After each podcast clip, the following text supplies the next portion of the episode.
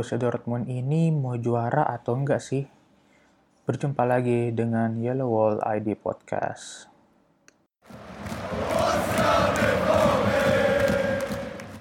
Jadi setelah menghancurkan Bayer Leverkusen 4-0 pada matchday minggu lalu, kemudian uh, bukan menahan sih tapi ditahan Barcelona 0-0 dengan bisa dibilang uh, permainan terbaik bahkan beberapa analisis-analis sepak bola di luar juga mengatakan bahwa Borussia Dortmund tidak cukup beruntung untuk mencetak gol dan hasil pertandingan melawan Barcelona itu menjadi benchmark eh, bagi beberapa analisis sepak bola bahwa Borussia Dortmund ini cukup pantas untuk bersaing merebut juara dari Bayern Munchen karena mereka bisa bermain seperti saat melawan Barcelona.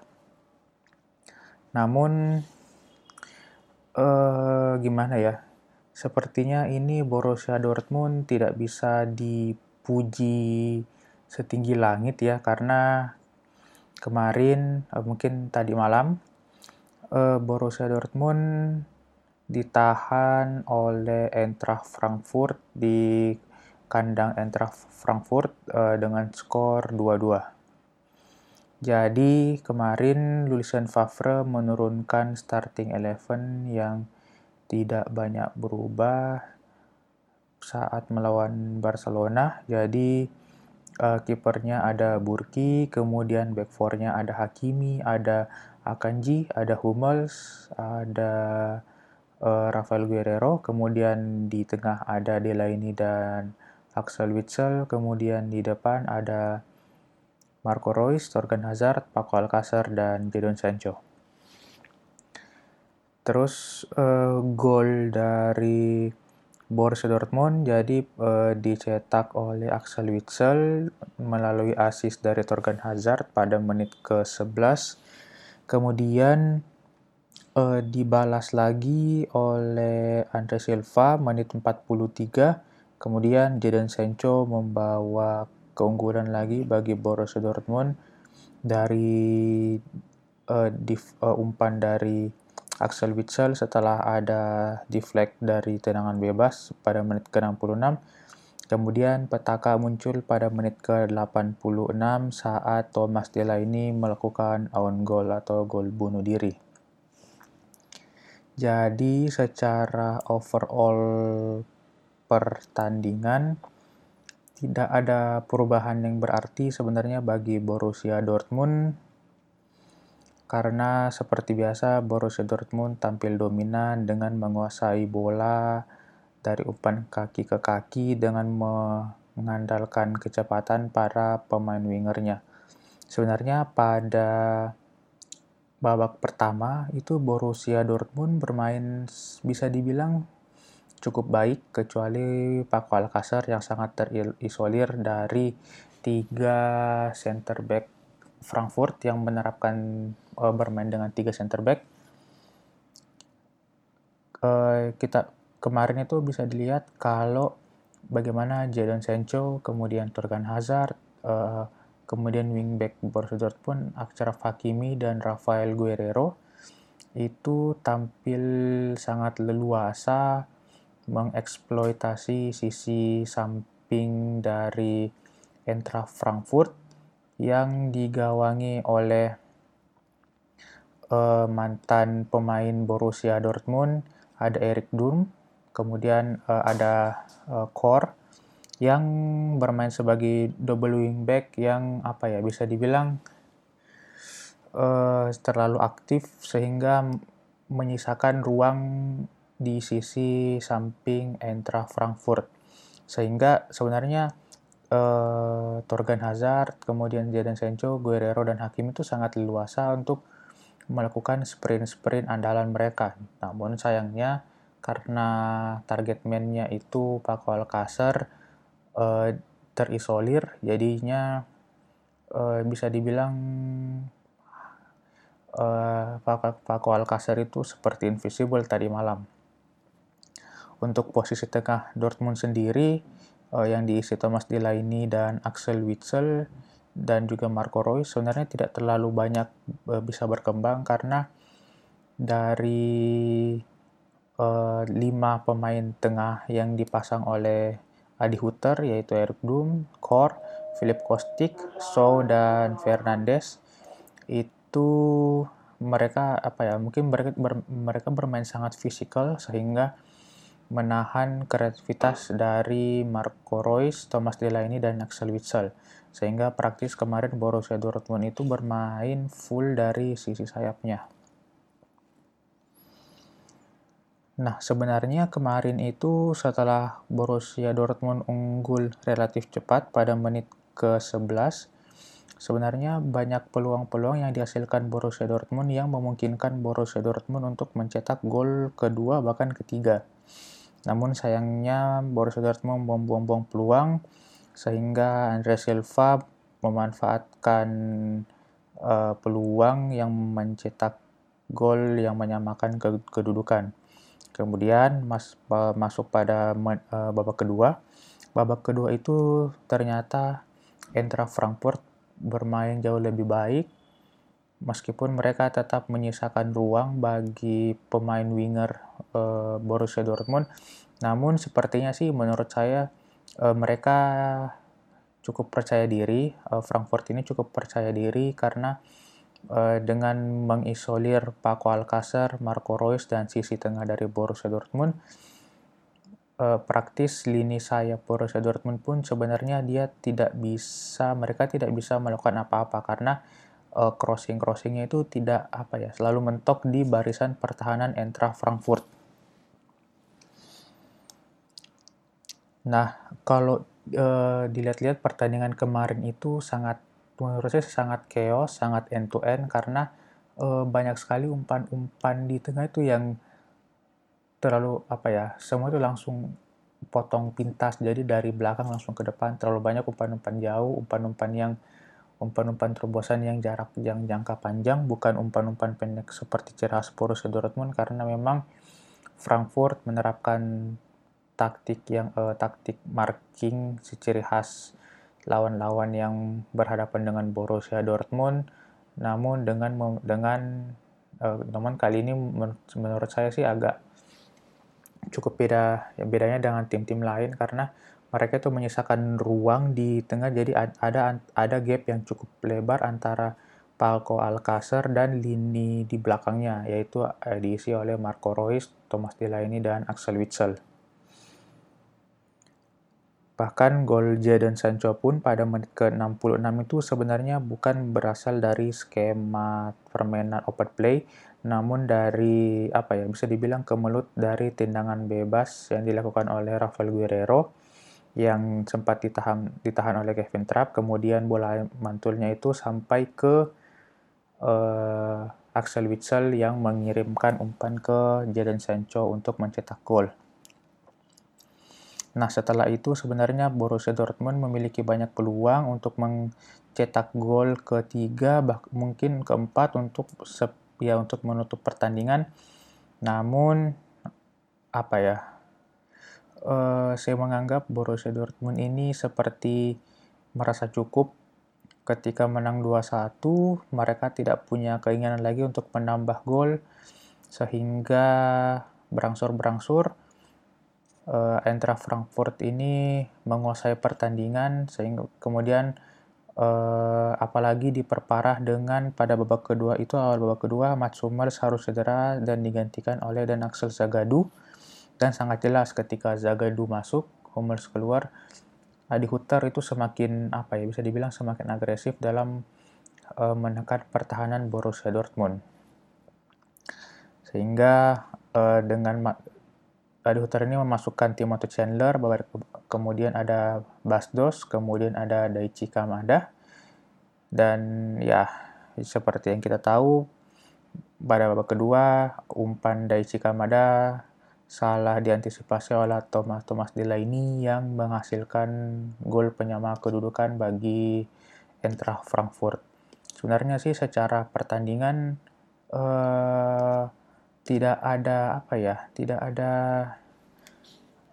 Thomas uh, Eintracht Frankfurt ini sebenarnya bermainnya tidak tidak tidak spesial-spesial amat sih, tidak cukup baik sih sebenarnya. Namun entah mengapa mungkin ya Borussia Dortmundnya aja sih yang ya udah yang memang mungkin tidak terlalu berniat untuk menjadi juara musim ini.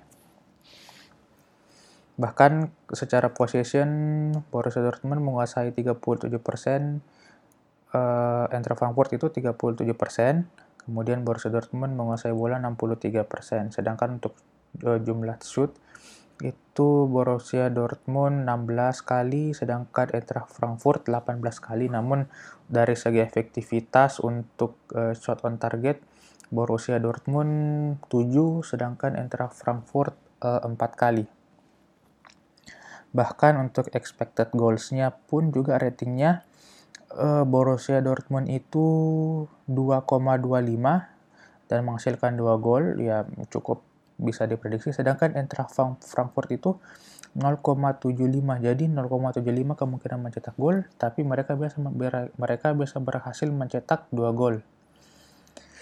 Ini cukup apa ya mungkin cukup mengecewakan uh, kemarin uh, nilai plusnya yang bisa dilihat adalah bagaimana Torgan Hazard uh, bermain sangat cukup baik, salah satu pemain terbaik menurut saya selain Axel Witsel dan Mats Hummels sebelum dia keluar. Di mana Torgan Hazard ini bermain uh, punya satu assist, kemudian memiliki tiga uh, umpan penting, empat dribble, kemudian melakukan empat tackle, satu intercept, 72 kali sentuhan, 39 umpannya berhasil dari 46 percobaan. Uh, itu saja mungkin review singkat uh, untuk pertandingan ini.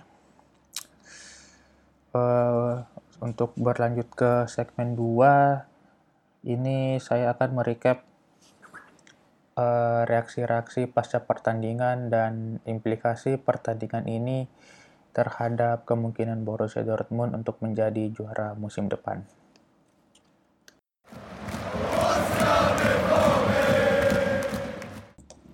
Oke, jadi uh, setelah pertandingan ini Borussia Dortmund berada di peringkat ketiga di bawah Red Bull Leipzig dan Bayern Munchen.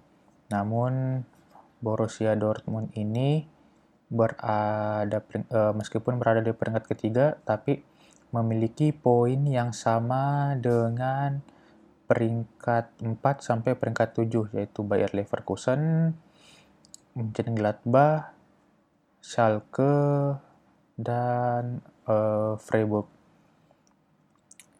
Jadi ya uh, jadi beruntungnya sih Borussia Dortmund pada uh, tiga kemenangannya itu berhasil mencetak gol yang lumayan banyak.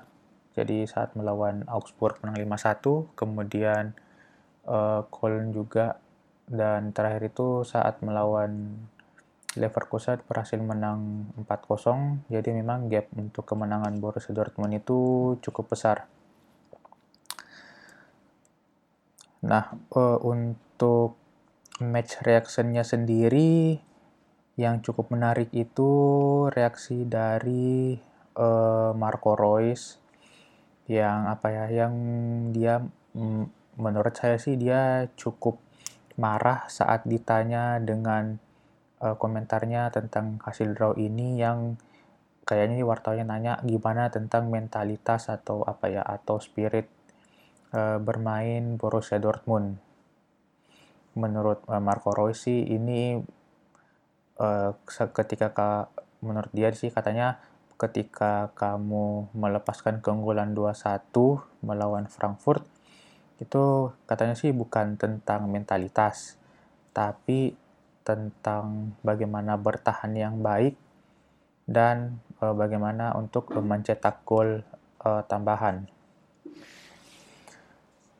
Kemudian untuk e, Lucien Favre juga dia berkomentar kalau e, skuad ini merasa frustasi dengan hasil yang diperoleh dan tidak cukup mencetak gol untuk menutup pertandingan. Nah, sama dengan dengan Marco Reus ini bukan tentang kurangnya uh, mentalitas, tapi tim-tim lain pun juga mengalami hal yang sama, yaitu saat mendominasi permainan tapi gagal uh, dalam kemenangan. Kemudian uh, Thomas ini juga sang pencetak gol penyama kedudukan bagi Eintracht Frankfurt juga mengatakan uh, Borussia Dortmund memiliki banyak peluang namun tidak memiliki cukup kontrol untuk memenangkan pertandingan. Nah, sebenarnya kalau dari uh, pernyataan dari Marco Reus dan Lucien Favre yang mengatakan bahwa ini bukan tentang mentalitas, sebenarnya sih kalau bisa dibilang menurut saya ya masalahnya intinya memang mentalitas. Kalau masalah mencetak gol menutup pertandingan mengunci pertandingan dengan mencetak gol ketiga atau keempat atau kelima atau bagaimana bertahan dengan baik itu adalah apa ya itu adalah bagian dari mentalitas bermainnya Borussia Dortmund itu sendiri sehingga uh, meskipun Borussia Dortmund dalam keadaan tertinggal ataupun misalnya mereka cuma unggul margin satu gol, namun ya kalau misalnya mereka punya urgensi untuk memenangkan pertandingan sebenarnya itu tidak menjadi masalah. Cuma kalau ada yang lihat pertandingan kemarin itu bisa dilihat bisa dilihat kalau ketika Borussia Dortmund sudah unggul mereka meras apa ya kelihatan kayak sep, sep, seperti mengendorkan mengendorkan serangannya, kemudian uh, bermain lebih dalam, bermain lebih menunggu, bahkan dengan skema Favre saat bertahan memakai formasi 4-4-2 untuk lawan siapa pun itu, dia tetap memakai 4-4-2 dalam posisi bertahan. Dan mereka lebih pasif kelihatan dan tidak seperti mengejar bola, bahkan meskipun Frankfurt ini bermain tidak baik sebenarnya, namun ya kelihatan Borussia Dortmund tidak mencoba untuk memenangkan pertandingan. Bahkan uh, si Zorg pun bilang kalau pada pertandingan ini itu Borussia Dortmund kurang determinasi dan itu adalah penyebabnya mengapa Borussia Dortmund gagal menang. Dan menurut dia sih untuk tim yang top tim itu tidak harusnya bermain seperti ini. Bahkan ketika ditanya untuk masalah mentalitas, dia tidak menjawab, bahkan dia seperti memberi jawaban agak gantung seperti dan dia bilang kalau ya Anda bisa lihat saja sendiri pada permainan di lapangan. Ya menurut saya sih Zork secara tidak langsung menyinggung mentalitas bermain Borussia Dortmund, cuma mungkin aja sih dia tidak mau menyinggung perasaan pemain-pemain Dortmund atau si Lucien Favre. Untuk kans juara sendiri, mungkin kalau ada yang ngikuti atau ngefollow akun uh, Yellow Wall ID, eh, mungkin dari saya sih pribadi, saya sudah agak tidak terlalu banyak berharap bagi, bagi Borussia Dortmund untuk menjadi juara musim ini, karena uh, ya dari permainan mereka sendiri tuh sepertinya mereka tidak ada urgensi untuk, untuk bermain menjadi juara. Mereka tuh kayak apa ya menurut saya tuh playing for fun. Jadi mereka tuh bermain uh, umpan-umpan pendek kemudian mengandalkan counter attack. Namun tidak ada urgensi ketika mereka unggul untuk apa ya ketika mereka unggul 1-0 mereka tuh kayak tidak ada keinginan untuk menambah gol bahkan untuk seperti apa ya istilahnya mungkin mungkin seperti membantai lawannya begitu. Beda seperti mungkin ini kasus ini beda kayak seperti melawan Bayer Leverkusen kemarin yang sebenarnya sih salah satu pertandingan yang bisa dibilang Borussia Dortmund itu playing for fun karena mereka bisa mengeluarkan taktik andalan mereka yaitu counter attack yang ya sebenarnya sih ini salah apa kesalahan dari Peter Bosz sendiri yang mengundang Borussia Dortmund untuk bermain seperti itu dan sebenarnya itu bukan permainan mentalitas, itu karena ya Borussia Dortmund suka aja dengan lawan yang seperti itu. Sama seperti melawan Augsburg juga. Augsburg yang bermain sangat terbuka, itu pun juga Dortmund harus ditampar ketika Augsburg mencetak gol pada menit pertama. Beda saat kalau kita nonton pertandingan uh, pertandingannya Leipzig dan Bayern Munchen. Kalau kita lihat pertandingan Bayern Munchen ketika Bayern mencetak gol pertama apa ya seperti itu seperti pembuka keran untuk gol-gol gol-gol selanjutnya. Beda dengan Borussia Dortmund, ketika Dortmund mencetak gol pertama itu seperti apakah Borussia Dortmund bisa bertahan dengan skor ini atau uh, atau mereka bakalan kebobolan nih seperti begitu itu sama seperti musim lalu. Bahkan yang lebih menarik itu uh, Red Bull Leipzig mereka tuh uh, dengan pelatih barunya Julian Nagelsmann mereka tuh lebih apa ya kayak mereka tuh jauh lebih ambisius mereka tuh lebih punya tendensi untuk menantang Bayern memperebutkan juara. Karena kalau kita lihat pertandingan sebelumnya dari Leipzig musim ini mereka tuh apa ya seperti kayak kelaparan untuk mengejar Bayern. Bahkan pertandingan melawan Bayern pun menurut saya itu apa ya menurut saya standarnya di atas uh, di atas Dortmund. Jadi kedua tim antara Bayern dan Leipzig itu berada di atas Borussia Dortmund sih secara apa ya secara uh, kalau dibilang kualitas pemain bisa dibilang sama sih. Cuma entah mengapa Borussia Dortmund itu kalau nggak ketinggalan lebih dulu atau bukan pertandingan besar atau misalnya lawannya tidak lawannya tidak uh, bermain terbuka, itu mereka bakalan apa ya? Mereka tuh bakalan lebih jauh lebih superior, uh, inferior. Mereka tuh kayak inferior banget dengan uh, lawan-lawan yang mundur, uh, yang parkir bus, yang bermain rapat. Itu Dortmund seperti tidak memiliki solusi untuk jawaban-jawaban masalah seperti itu. Dan menurut saya dan seperti yang dibilang Zork untuk top tim, bahkan untuk tim yang harus mengejar juara, seharusnya tidak e, bermain seperti itu. E, dan kalau mau dibilang apakah Borussia Dortmund bisa berubah, sebenarnya masih bisa karena ini masih baru lima pertandingan awal di musim ini. Namun kalau mengingat apa yang dilakukan Favre dan ciri khasnya, menurut saya sih agak tidak memungkinkan sih bagi Borussia Dortmund untuk melakukan perubahan taktik atau ada perubahan yang sangat signifikan. Kalau ditanya apakah apakah ada kemungkinan Favre dipecat? Kemungkinan besar juga tidak karena tidak memungkinkan. Apalagi ini tidak baik untuk internal tim. Jadi kalaupun misalnya Favre mau diganti baiknya sih saat uh, akhir musim saja mungkin ya semoga Borussia Dortmund bisa dapat peringkat 4 atau uh, eh, 3 akhir musim ini kemudian mungkin diganti dengan pelatih baru seperti Daniel Farke atau mungkin yang kemarin itu agak lumayan heboh ada fotonya Jose Mourinho yang duduk bersampingan dengan Aki Watzke.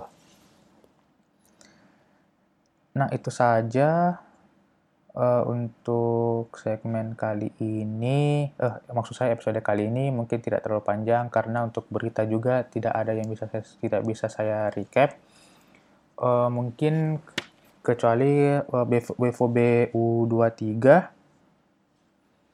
yang kemarin uh, habis bermain melawan uh, Bayer Leverkusen U23 yang ke yang di mana Borussia Dortmund itu habis menang besar saat uh, di mana uh, Mokoko mencetak 3 gol kemudian ditambah uh, Giovanni Reina mencetak satu gol. Nah, nah sebenarnya sih untuk melihat uh, BVB 2 ini jauh lebih menarik dibandingkan uh, eh, BVB seniornya sih menurut saya. Um, itu saja. Mungkin, oh ya, maaf, jadi yang kemarin yang menang itu bukan BVB U23, tapi BVB U19 yang di mana digawangi oleh Mokoko dan uh, Gio Reyna. Um, itu saja mungkin episode kali ini. Untuk pertandingan berikutnya, Borussia Dortmund akan menjamu Werder Bremen di Signal Iduna Park. Um, menurut saya pertandingan ini juga bakal menjadi pertandingan yang cukup sulit bagi Borussia Dortmund karena meskipun Werder Bremen sekarang berada di peringkat 10 dengan rekor yang tidak cukup meyakinkan karena uh, baru 6 poin dari 5 pertandingan dengan dua kali menang dan tiga kali kalah. Uh, besar kemungkinan Werder Bremen bakalan bermain uh, cukup dalam dan ya ini adalah sama seperti melawan Eintracht Frankfurt. Pertandingan ini sebenarnya cukup tricky bagi Borussia Dortmund. Mungkin bahkan ya bukan tidak mungkin sih Borussia Dortmund bakalan tertahan lagi untuk pertandingan kali ini. Dan ya semoga ada perubahan yang dilakukan oleh Lucien Favre dan skuadnya meskipun saya tidak terlalu yakin apa yang akan mereka lakukan pada minggu depan. Um, itu saja untuk episode kali ini.